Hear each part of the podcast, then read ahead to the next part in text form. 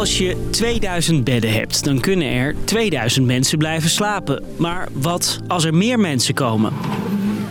In Ter Apel maken ze het keer op keer mee in het aanmeldcentrum daar. De gemeente Westerwolde, waar Ter Apel onder valt, is er klaar mee. Een duidelijke grens is het maximale aantal asielzoekers 2000. Ze sleepten het COA, die gaan over asielopvang voor de rechter. Ze moeten zich aan de afspraken houden, zegt de gemeente.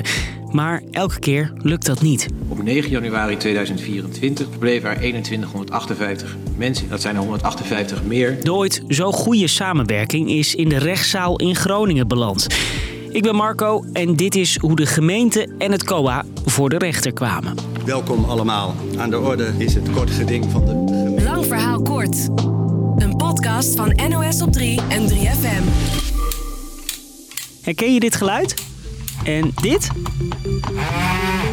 Het zijn de geluiden van de spelletjes Wie is het en Dr. Bibber. Spellen van MB. En die kwamen sinds de jaren 60 uit het noorden. Meet in Ter Apel. Als ze dan een jaar of 14, 15 zijn, dan zeggen ze van... nou, dan komt Jan ook weer aan met zijn uh, MB-spelletje. MB zorgde voor veel werk in Ter Apel. En even verderop werkten ook veel mensen bij het NAVO-depot.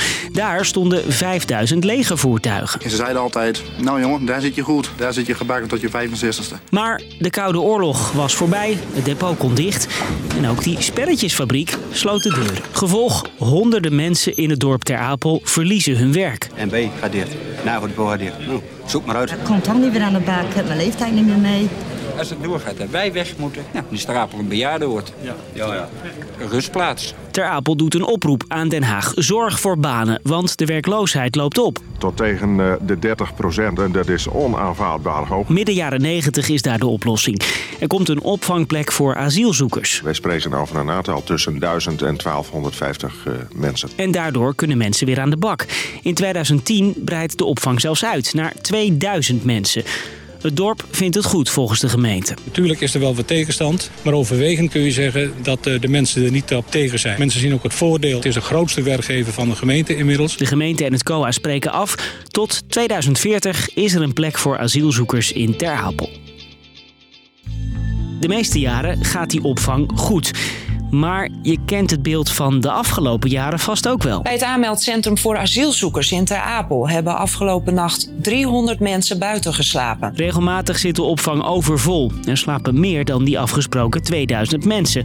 En ook zijn er steeds meer incidenten in het dorp zelf, zegt dit raadslid. Winkeldiefstallen lopen op, maar ook uh, slapen in portieken hier, uh, dat zie je ook steeds meer. Meer spugen, meer bedreigen, uh, dat soort dingen. Dat is erg intimiderend. Bewoners voelen zich onveilig. Wij hebben ook de deur op slot en camera's. Ja, nou ja, als ze hier al op de winkelwagens gaan slapen of in het park, dat is niet fijn. Je schikt je dat als, als je een karretje wilt pakken. Die incidenten gebeuren in veruit de meeste gevallen met een klein groepje asielzoekers die weinig kans maken om in Nederland te mogen blijven omdat ze uit een veilig land komen, zoals Marokko of Tunesië. Ze hebben weinig te verliezen. De goede asielzoekers die zijn de dupe van die lamlendelingen. En die situatie is nu al een paar jaar zo. Die overlast blijft, de opvang blijft overvol. Burgemeester Velema is er klaar mee. Hier zit ik aan mijn grenzen wat ik als burgemeester kan. Uh, we zijn echt afhankelijk van de landelijke politiek.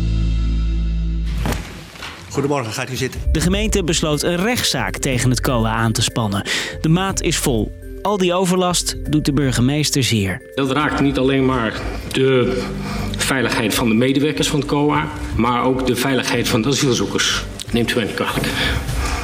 Deze motie komt voort uit onmacht. Maar het COA zegt op haar beurt, we kunnen er niks aan doen. Want er zijn geen andere opvangplekken om deze mensen naartoe te brengen. En het is niet steeds de bedoeling om die 2000 te overschrijden, want dat doen we bij voorkeur niet. Maar in de situatie waarin we daar niet andere ruimte voor hebben, moeten we dat helaas laten gebeuren. De rechter doet over twee weken uitspraak in de zaak. Maar wat de uitspraak ook is, het pakt het probleem niet aan. De twee partijen in de rechtszaal kijken daarom vooral naar een wet in Den Haag, de spreidingswet. Want daar zijn de gemeenten en het COA voor. De staatssecretaris zou door die wet gemeenten kunnen dwingen om asielzoekers op te vangen. Dat is nodig, want veel gemeenten doen te weinig, volgens de staatssecretaris. U kunt het goed zien. Als het rood is, dan doet u minder dan 75% van de opgaven die u had moeten doen. Nou, u ziet dat heel Nederland rood kleurt. De Eerste Kamer stemt volgende week over die spreidingswet. De burgemeester hoopt dat hij erdoor komt. We moeten naar een eerlijke verdeling in dit land, zodat Trapel ook gewoon weer uh, naar normaal uh, terug uh, kan gaan. Dus lang verhaal kort, 2000 plekken zijn er voor asielzoekers in Ter Apel. Het zorgt voor werk in het dorp. Maar er slapen structureel meer dan 2000 mensen in het asielzoekerscentrum. Een klein deel van die asielzoekers veroorzaakt ook veel overlast. De gemeente en het COA staan nu tegenover elkaar in de rechtszaal. Maar ze hopen samen dat die spreidingswet door de Eerste Kamer komt.